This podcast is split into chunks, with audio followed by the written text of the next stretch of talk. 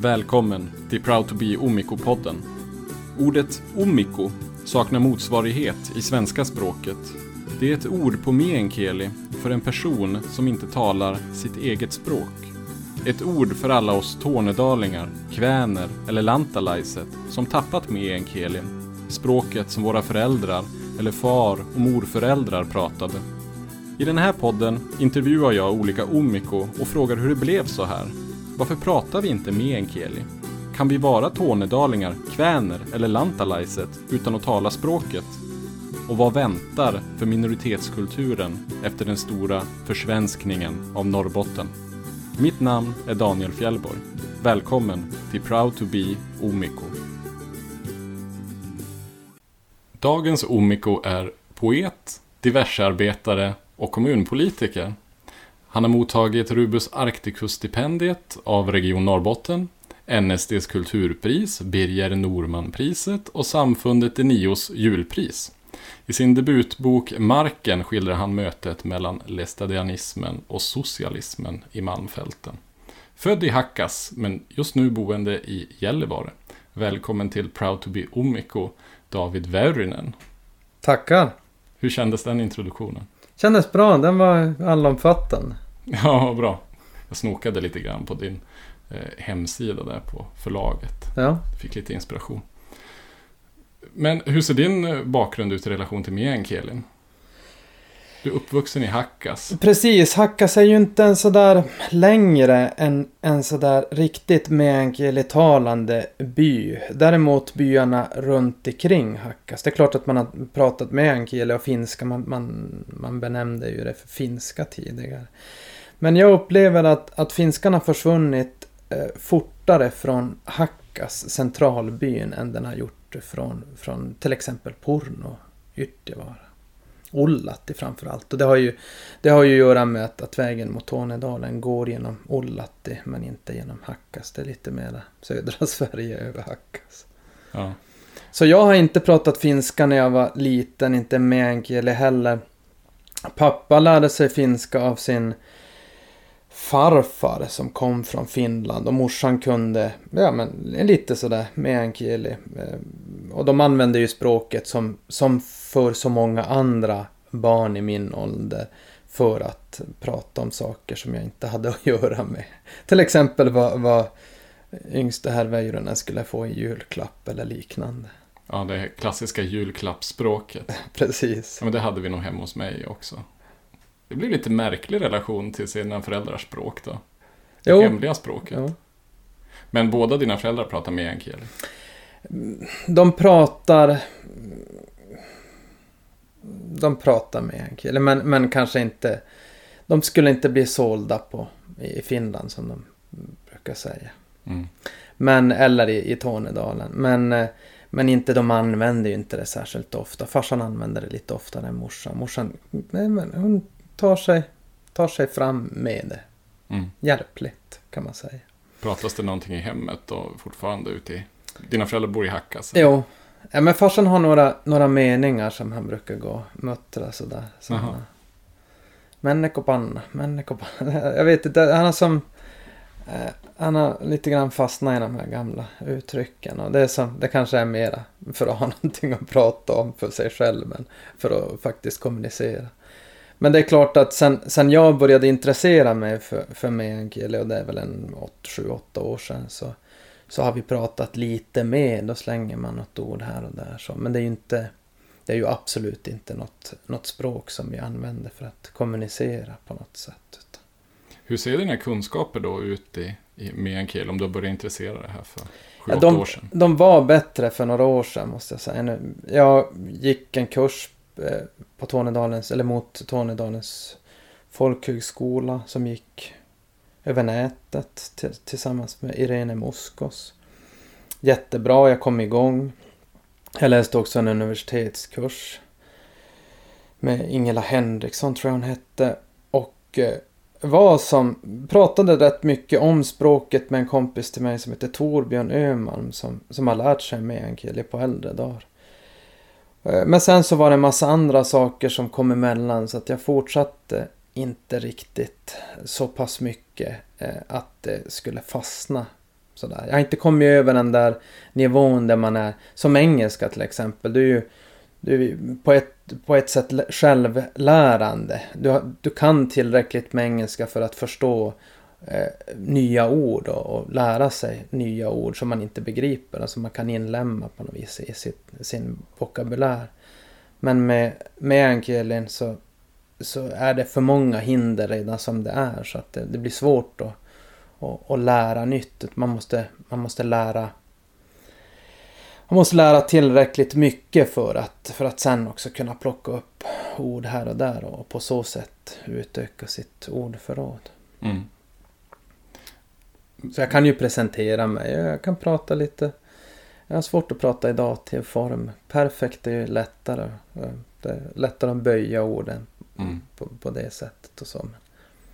Jag brukar hänga med när man pratar om vilka substantiv som dyker upp. Det klarar jag av. Ja, men det, det är väl kanske det som ofta är första, det första man lär sig med språket också. Man tänker barnen som får, får höra lampa en sådär 290 000 gånger innan det sätter sig. Och och det är ju rätt synd egentligen. När man är vuxen så förväntar man sig själv att man ska lära sig eh, språk väldigt enkelt. Och visst, det är ju så att, att barn har, har det lättare för sig att ta till sig ett språk men, men det är ju också en hel del tjatande och tjatande som man inte gör på samma sätt, eller som jag inte gör på samma sätt med, med meänkieli. Man, man behöver traggla, nöta. Och det tycker man kanske ibland att, ah, men det här, nu kan jag det här. Och sen går det två veckor och så har man glömt det. Mm. Men meänkieli då, vad, be, vad betyder det för dig? Ja, men för mig så tror jag att det var framförallt en, en, en eh, kulturell identitetsmarkör. Någonting som skulle få vara eh, vårt eget eller vårt egna språk. En, en hemlig sfär kanske man kan säga. En, någonting som skulle kunna stärka vår identitet som, som norrbottningar eller som, som inlandsbor. Ett, också ett återtagande av det som vi, vi en, gång, en gång i tiden har förlorat till förmån för Eh, modernismen och konsumtionssamhället. Så var det från början i alla fall för mig. Att, att här finns någonting, någonting mer av det gamla samhället. Mm. Och, som man kunde närma sig genom att ta till sig språket. Hur såg kopplingen ut till far och morföräldrar? Så dina föräldrar pratar ju en del med enkele, men var det mer förut till äldre generationer då eller? Jag tror som sagt farsan lärde sig eh, finska av hans finska farfar eh, som, som blev svensk då. Så att han lärde ju sig en, en gammal variant av, av finskan. Eh, farfars, min farfars far då, pappas farfar var ju född sent 1800-tal. Pappa är rätt, rätt gammal och det är ju mamma också. Men redan till, till farfar, min farfar, så, så pratades det inte lika mycket finska så vitt jag har förstått att pappas språk hemma var inte finska utan det var, det var svenska. Så att den är ju lite, det har ju hänt, har ju, vi har ju blivit frånkopplade ganska tidigt från, mm. från finska. När man pratar om, om den här meänkieli-talande minoriteten som på något sätt också är kraftigt definierad av, av att kunna språket så brukar man ju prata, men man brukar benämna det som tornedalingar, lantalaiset, kväner har ju kommit också. Vilket begrepp använder du för att beskriva vad du är? Och jag vet inte om jag riktigt, det beror lite på, tror jag. Norrbottning när det passar sig. Ett, ett begrepp jag sällan använder mig av det är norrlänning. Det är ju så pass stort så att Malmfältsbo emellanåt, bybo. Men jag... I och med att jag inte det är klart att det, det ligger mycket i, i region, den regionala kopplingen också, inte bara i, i språket. Men jag har inte känt mig som nödgad att koppla min identitet till, till lantalaiset eller tornionlaaksolaiset eller kvän på det sättet. Jag har absolut ingenting emot någon av, av, av Eh, definitionerna. Men, men jag har inte varit i behov, har jag känt, att, att, att benämna mig som mm. någon av dem. Hur upplever du att eh, det är att ha den här bakgrunden utan att själv kunna språket? Det är ju, det är ju berikande att, att födas i Norrbotten, tänker jag. Norrbottens inland, Malmfälten. Det är ju... Eh, Gällivarebyarna har ju fantastiskt mycket, mycket som, är, som är intressant rent kulturellt sett. Eh, sen är det ju en, en det är synd att, att man inte fick med sig språket. Och det är klart, jag tänker inte så mycket på, jag, jag beskyller inte mina föräldrar för någonting utan det blev som det blev. Det är inte bara dem det handlar om utan det är ju en, det är en utveckling eller en avveckling eller en förändring beroende på vad man vill kalla det. Den är ju medvetet styrd också från, från statligt håll. Att, som de tyckte, modernisera eller Pledge allegiance to the flag i USA. Men, eh, men i Sverige att på något vis identifiera sig med, med, med den storsvenska nationen. Så att det kommer vi ju som inte undan. Och jag har väl accepterat det. Det är ingen idé att, att, att gapa om det för egen del i alla fall. Men, eh, men det är klart att, att det blir ju det blir hemskt mycket tyngre att, att i vuxen ålder försöka återerövra ett språk som man egentligen kanske borde haft. Även om det inte är supertydligt i min familj. Det finns ju eh, mycket mer tragiska historier med, med till exempel samisktalande eh, familjer. Där man helt enkelt har eh, klippt språket. Man har haft ett, kanske samiskan som, som, som huvudspråk i familjen. Men när barnen har kommit så har man tvingat sig själv som förälder att, att prata svenska och, och undlåtit att lära barnen samiska. Och så har det ju inte varit hos, hos, hos familjen Väyrynen utan vi har ju haft svenskan som huvudspråk från, från dag ett. Men det är klart, det, det är ju ändå en förlust, det är det ju. Mm. Men du kopplar då, eller du tänker att an, anledningen till att du inte talar språket idag kopplas mycket till de här större politiska processerna i samhället och så? Jo, men det, det tror jag. Även om det kanske inte är tydligt definierat i morsan och farsans medvetande. Eh, när jag frågade dem för några år sedan så sa de att Nej men det, vad skulle du med det till? Eh, så du frågade hur det kom sig att du inte lärde dig språket? Ja, alltså att de, inte pratade, att de inte tyckte att det var nödvändigt. Och de sa att det var ju inte så att vi skämdes för det eller något sånt. Utan det var, det var bara det att vi såg inte att det, det fanns något, eh, något skäl till att, till att lära dig språket. Och det var ju också en tid då, ja det var ju kanske några år innan, men, men man hade ju trott, man trodde ju ett tag att det var problematiskt för barn att, att ta till sig av två, två eller fler språk. Eh, morsan är lärare, småskolelärare, så jag tror kanske inte hon tänkte så mycket på det. Hon, åtminstone inte under 80, jag är född 83, så då var man väl medveten om att så inte var fallet, att det var problematiskt. Man var medveten om att det inte var problematiskt för barn att, att lära sig två språk samtidigt. Utan det var nog kanske mer det att eh, man såg att, att finskan eh, försvann allt eftersom i, i, även i, i norra delarna av Sverige. Så att man tyckte inte att det var särskilt nödvändigt. Mm. Har det här med att inte ha språket med sig, har det påverkat dina relationer på något sätt då? Nej, det, det, det har det inte. Jag känner ju folk som, som tycker att att det har varit mycket lättare att prata eh, finska när meänkieli med sina far och morföräldrar. Att de har kommit dem närmare när de väl har, har över, eh, eh återerövrat språket. Men mina... Min farfar dog när jag var inte ens en glimt i pappas öga utan han, min farfar dog 1956 och jag hade ingen sportslig chans att träffa honom överhuvudtaget. Och min, min farmor dog 2005 men hon var ju svensktalande och min eh, mormor och morfar var också huvudsakligen svensktalande. Så att det, det har inte påverkat relationen med, med de äldre. Däremot så har man ju kunnat eh, kanske gå miste om en del när man, när man var på badhuset eh, förr i tiden. Vi har ett badhus i Hacka. Så, och där har man ju pratat mycket finska i, i omklädningsrummet. Men det är ju också mycket mer sällsynt idag. Men i din litteratur då, som poet och författare. Har det smugit sig in delar av den här historiken i det? Jo, eh, lite grann. Jag har inte skrivit på, på meänkieli, men framförallt tror jag jag har använt lite, lite meänkieli i, i texterna, men ytterst lite. Däremot så har jag, eh, jag tror att mitt intresse för, för meänkieli, för språk överhuvudtaget, det har resulterat i att, att jag har sett på, på den svenska som talas på ett annat sätt också.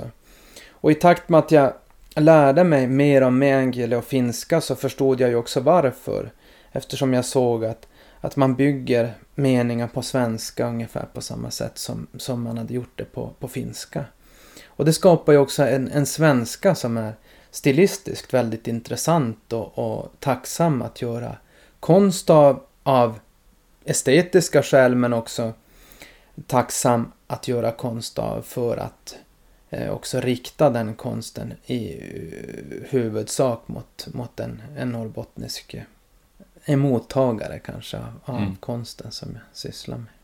Du, så det blir på något sätt en särskild dialekt för att det relaterar så mycket till, till meänkielin eller finskan då?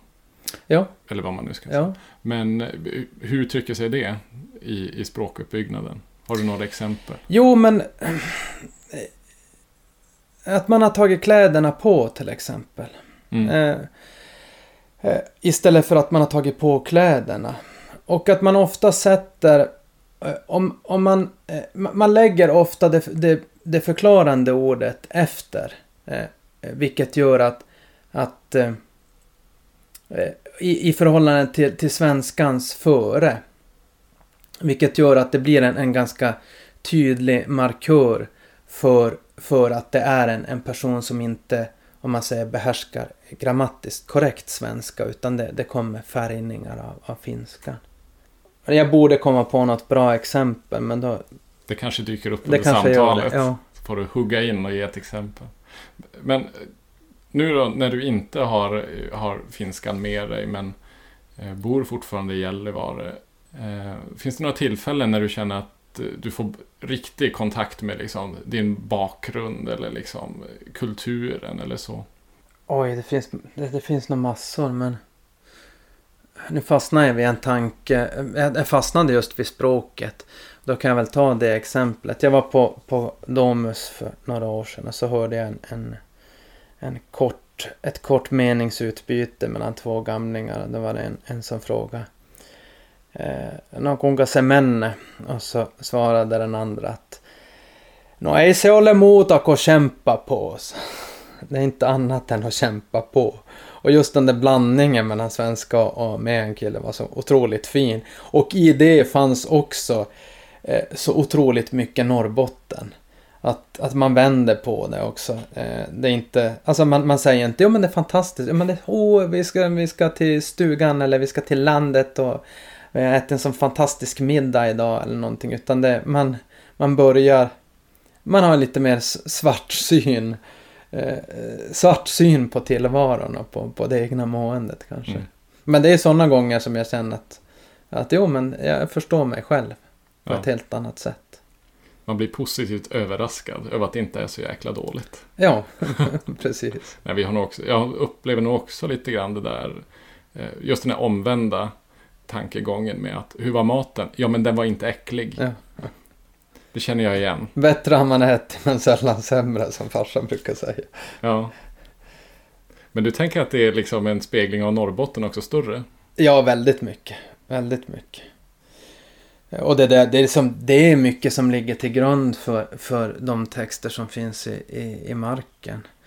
Eh, och, och det är ju sånt som jag hittar, som jag tycker mig själv har hittat i, alltså som jag spårar tillbaka till, till stadietid i princip. Alltså en, eh, en, en ödmjukhet inför för livet på något vis. Så i kombination naturligtvis med de, de eh, lite kärvare förutsättningar att leva som, som, har, som har funnits här kanske mer än, än, än att de finns. Men de finns de väl fortfarande. Det är ju inte sandstränder och, strandstränder, sandstränder och, och, och meloner varje dag precis.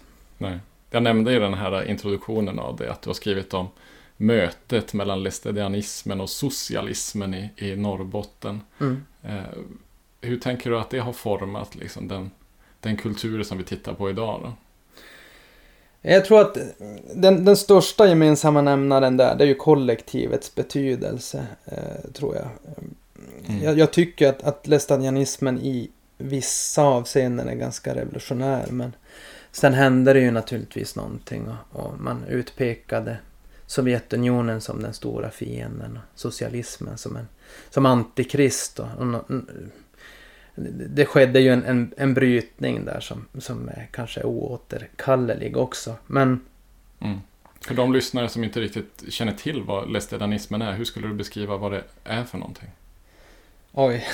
ja, det, det, Kort sammanfattat, går det? Ja, det, det går väl säkert. Eh, faktiskt en kompis till mig, han, han sa det att han, när han brukar få, få frågan vad är lästadianismen, han bor i södra Sverige. Då, då krånglar han ofta in sig i det här med, med djävulens kalsonger, alltså eh, gardiner alltså, som ansågs vara förbjud, förbud, förbjudet. Mm. Och, och sen, sen, sen, sa han, det här är lite skryt, men då, då sa han det att, att nu, ska, nu ska jag börja jag ska börja rekommendera din bok till de som frågar vad lästadianismen är. För den sammanfattar ganska mycket vad lästadianismen är. Men det är ju mer en spegling av så att säga levnadsregler och så. Eh, det är ju en, en, en luthersk, oerhört lutherskt präglad inomkyrklig väckelse. Eh, från början så, så var ju kopplingen till kyrkan och församlingen väldigt viktig. Sen, sen eh, har det ju hänt saker allt eftersom. Men, men ödmjukhet, det är att hjälpa. Jag tycker att, att Jesu gärningar är väldigt tydliga. Alltså, om man frågar mig så, så, så var ju Jesus den första socialisten. Men, och, och, jag tycker att det betonas ganska ordentligt i, i, i en, en, eh, en, en praktiserande lästadianism där det var viktigt att, att inte slösa och att hjälpa varandra, att inte leva vidlyftigt. Konsumtionen Eh, då fanns det ju kanske inte konsumtion på samma sätt som idag. Men jag vet inte vad Lestadius hade tyckt om, om en ny bil varje år. Liksom. Det, mm. Jag tycker inte att det går ihop med, med de tankarna. Och, eh, utan alla ska få det bättre tillsammans. Det är inte så att några ska sticka iväg på andras bekostnad. Och så. Mm. Men var, jag vet inte om det var riktigt någon sammanfattning av, av lästadianismen. Det skulle man nog behöva ett, men jag kan känna igen mig mycket i det här med beskrivningen av lästadianismen och just det här med att det på något sätt, även när jag tittar på min egen familj och både min mamma och min pappas bakgrund, eh, så finns ju lästadianismen i släkten när man tittar bakåt. Och jag tror att det är hos väldigt många med, med eh, meänkielitalande bakgrund att det finns där. Hur tror du att det har kommit in i vår tid då? Hur har det påverkat dig och mig? Jag tror att det har påverkat mig eh, genom mamma och pappa. De är ju inte, pappa är väl inte särskilt troende. Morsan har varit kyrkorådsordförande i, i Hacka. Så går väl sådär alltid då. Hjälper till med, i kyrkan. Sen vet jag inte hur pass omfattande hennes tro är. De är ju inte lästadianer, inte morsan heller. Alltså inte morsan heller, även om hon delvis åtminstone är troende. Jag vet inte vad, vad jag ska säga utan att göra, utan att riskera att göra henne irriterad. Eh, hon får ju som stå för sin tro om eh, hur, hur pass omfattande den är. Men, men jag tycker ju, och det märkte jag ganska tidigt när jag började läsa Eh, mer om lestadianismen, att jag såg sätt att resonera eh, eh, från den tiden även hos spår av det kvar hos mamma och pappa och hos mig själv också. Att, ja men det är inte så noga, bara det fungerar. Man ställer upp för, för varandra, man, man biter ihop, man springer inte till läkaren. Man går till läkaren med, med, med huvudet under armen som något, något gammalt ordspråk lyder. Det är först då man går. Man vill inte besvära människor, man, man ska i, i stort sett klara sig själv. Eh, men om, om hjälp behövs då, då ber man om, om hjälp. Men man, man, som, som medmänniska så kliver man inte in och, och håller på att kladda. Mm. Eh, med någon som kanske inte behöver hjälp utan så fort den personen behöver hjälp så, så är det dess skyldighet att själv fråga om det. Och då, då finns man där i, i samma sekund och stöttar i den mån det är möjligt och, och behövligt. Mm. Sådana ganska små saker. Ska du skriva något mer i, i koppling till det? Har du några planer på att skriva? Jo, absolut. Jag, jag skriver just nu på en, på en lång predikan som, där jag försöker ta det här av finskan påverkade eh, Eh, svenska språket till sin yttersta spets. Mäcklar med, med meningarna riktigt mycket så att de stundtals blir nästan obegripliga för en, för en stockholmare att läsa. Eh, därför att, att språket, man måste kunna, åtminstone man måste förstå strukturen delvis åtminstone, eller läsa det väldigt, väldigt långsamt och lära sig allt eftersom hur, hur det låter. Man kan ju aldrig skriva fram en satsmelodi i text, men, men man kan göra hyfsade försök i alla fall. Mm. Så, så där, och, och den, den texten är tänkt också att att eh, jag har väl tänkt att svenskan ska nästan implodera under textens gång så att den ersätts också av, av allt mer meänkieli, finska och, och eh, även samiska i den mån jag, jag klarar av att, att inarbeta den. Jag pratar ingen samiska själv men, men man kan ju ta hjälp av andra människor. Mm. Den handlar om en, om en grupp människor som, som fjärmar sig från, från Sverige. De, de, den gruppen finns representerade i, i, i marken också. Jag tänker mig att, att de... Eh, eh att jag vill berätta om, om fortsättningen. Deras Mm. historia.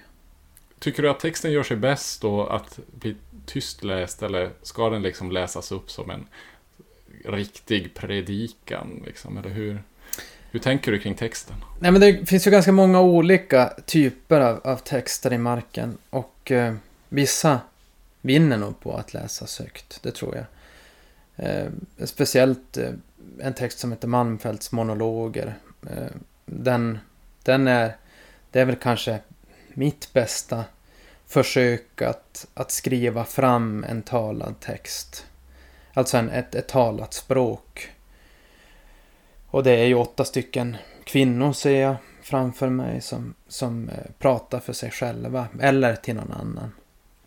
Och, eh, eh, och de har jag väl pratat mig fram till också och på så sätt kanske förhoppningsvis, ja uppenbarligen, åtminstone i ditt fall, fått till den här effekten som jag, som jag vill, som jag ville få till. Att är man bekant med språket så, så, så ser man det ganska fort i texten även om den, den är text istället för ljud. Mm. Så den kan man med, med fördel eh, läsa högt för sig själv till exempel. Medan andra kanske är mindre betydelsefulla om de läses högt eller om de läses tyst. Mm. Meänkieli för mig är ju en väldigt, ett muntligt språk. Det finns ju inte så där, det finns ju inte en stor uppsjö av text att gå tillbaka till. Mycket har ju varit, utifrån min förståelse i alla fall, att det har varit en talad kultur. Hur gör du för att, eh, har du några har du några knep på att du har hittat text eller har du försökt att hitta liksom muntliga traditioner för att inspireras av kring att hitta melodin i språket och sådana saker? Eller hur gör du? Jo, då har jag nog använt ganska mycket. Eh, alltså man, har, man har lyssnat. Jag har lyssnat på människor. Då har de ju pratat svenska. Eh, lyssnat hur de, hur de låter och funderat på varför de låter som de låter. Och har man då med det som jag försökte prata om tidigare men som jag inte kom på riktigt några, några konkreta exempel på. Men har jag då, som jag haft och förhoppningsvis fortfarande har, eh, kännedom om hur man bygger meningar någorlunda på meänkieli så, så förstår jag också att göra det på svenska på liknande sätt. Och när jag sen gör det så, och, och prövar det eh, för mig själv högt, läsa det, då hör jag oftast att ja men det här blir bra. Vi sätter det här ordet här istället för där i själva meningen. Vi börjar den här meningen med eh, eh, att att man skulle ta och göra det här. Till exempel. Istället för att säga eh, man borde göra det här som man kanske... Men det, det är någonting som jag har tänkt på att, att vi, vi börjar väldigt många meningar med, med att. Och det var just ett dåligt exempel för jag vet inte om det är supertydligt i meänkieli. Että se. Ja, kanske. Jag vet inte. Mm. Om vi ska vända oss mot framtiden då. Både i den här regionen och lite mer för dig själv och, och så. Hur tänker du att framtiden ser ut för den här minoriteten då, eller och för språket? Vad kommer hända framöver? Det är väldigt svårt att svara på. Det beror ju på i och för sig. Jag har tänkt mycket på Norrbotten som, som förväntas växa med 100 000 personer inom en sådär tioårsperiod. Och det är ju inte hundratusen meänkielitalande människor utan det här kommer ju att vara folk från universitetsstäderna. Förmodligen, det är mycket så ganska stora, höga kompetenser som kommer att krävas. Och eh, eh, säkerligen folk som har eh, annat modersmål än svenska också. Eh, och, och, eh, och det är klart att det kommer ju innebära att, att meänkielin eh, får det kanske ännu svårare att, att stå sig i jämförelse med, med som eh, majoritetsspråket. Så. Men samtidigt så pågår ju en parallell rörelse med som stark betoning i det postmoderna. Jag är ju ett resultat av det, kanske du också. Det är att vad, vad är den egna identiteten? Vad är den särpräglade identiteten? Och som en reaktion mot just idén om, om en, en nationell tillhörighet uteslutande. Så kan den trenden, om man säger det, det är lite trist att kalla det för en trend, men kan den rulla på och och finansieras också. Jag pratade med, med Torbjörn Öhman med en, en annan podd som handlade om, om just meänkieli. Eh, om, om bidrag och så vidare, kulturbidrag och sånt. Det är ju sånt som man ska, tycker jag, naturligtvis använda sig av i så stor utsträckning som möjligt. Producera litteratur. Eh, Sverige som nation är ju, verkar ju tämligen eh, intresserad av att ändå försöka behålla meänkieli samiska. Det är ju minoritetsspråk sedan 2000. Så att även om man kan ha supermånga synpunkter på hur de har hanterat frågan tidigare så, så finns det ju pengar idag. Och de ska ju användas, förhoppningsvis finns det eh, institutioner, organisationer, föreningar etc.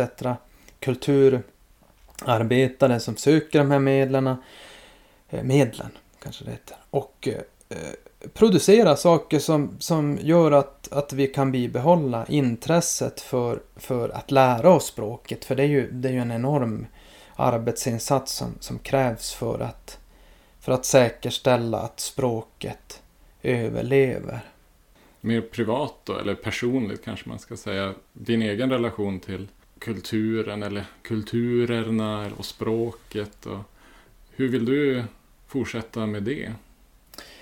Steg för steg tror jag. Jag har tidigare haft någon idé om att någon, någon gång framöver så skulle jag vilja pröva skriva en diktsamling på meänkieli. Men det, jag är så otroligt långt från att klara av att göra det på ett bra sätt. Det är klart att jag skulle kunna skriva väldigt enkla dikter. Det kanske skulle bli en diktsamling för barn på meänkieli. Det är ju för sig inte... Där man tillåts också på ett helt annat sätt. Det är pedagogiskt syfte. Det är inte... Det inte så jäkla tokig idé. Ett sätt att lära dig själv och att... Ja, men precis. Och att om jag själv får barn framöver så, så, så kanske det skulle kunna vara en sorts gåva till, till mitt barn. Att försöka få det att, att eh, ta med sig språket. Sen skulle jag i och för sig vilja sätta mitt barn i en minoritetsspråksförskola också. Det, det mm. kanske är bättre än, än att sticka en diktsamling i händerna på en treåring. Man kanske kan göra både och. Man kan göra både och. Det kan ju vara bra för andra barn också som är 5, 6, 7, 8 år gamla. Läsa, läsa dikt på meänkieli tidigt. Hur ser möjligheten ut att sätta i minoritetsspråksförskola? I Gällivare så ser de ganska bra ut. I, ja. i Luleå också. Ehm, det finns ju, finns ju en avdelning här som heter Ahven uttalar man det tror jag. Abborren. Mm. De ser ju bra ut. Det är ju ett lagkrav sedan första juli förra året, tror jag. eller 2019 kanske till och med. Och det är ju klart att det kommer att stärka språket på ett helt annat sätt. Kan man få in barnen. Vi har nästan en full avdelning här. Det är 18 på avdelningen. Jag tror att vi har 15-16 barn som, som lär sig finska och meänkieli. Och det är ju, det är ju magiskt. Jag trodde inte att det fanns så många som var intresserade. Då fick man chi. Det är bra.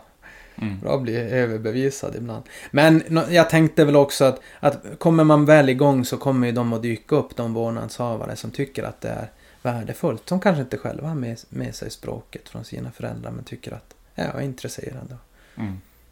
Det är ju, det är en, svenska får de ju, lär ju sig barnen i alla fall förr eller senare. Ja. Hur känns det för dig David? Känner du dig någorlunda färdigpratad på ämnet? Eller någonting som du skulle vilja ta upp mer? Nej, jag tror inte det. Jag, jag känner mig ganska... Jag, jag har ju varit, jag har inte varit så kortfattad. Jag babblar på en massa. Så David Väyrynen, tack så hemskt mycket för att du ville vara med i Proud to be Omik och berätta din historia. Tack Daniel. Tack för att du lyssnat på Proud to be Omiko-podden. Följ oss gärna på Instagram för uppdateringar om nya avsnitt. Eller besök vår hemsida, www.omiko.se.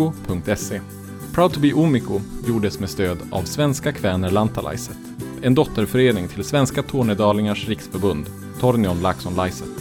Musiken ni hör i bakgrunden är Vi är också här, Olen Däle med Gammal. Teknisk support och design gjordes av Martin Lindvik. Mitt namn är Daniel Fjellborg. Så rösten av det glömda folket Vinden stämmorna bär Genom dal över fjäll så ropar vi att vi är också här Holland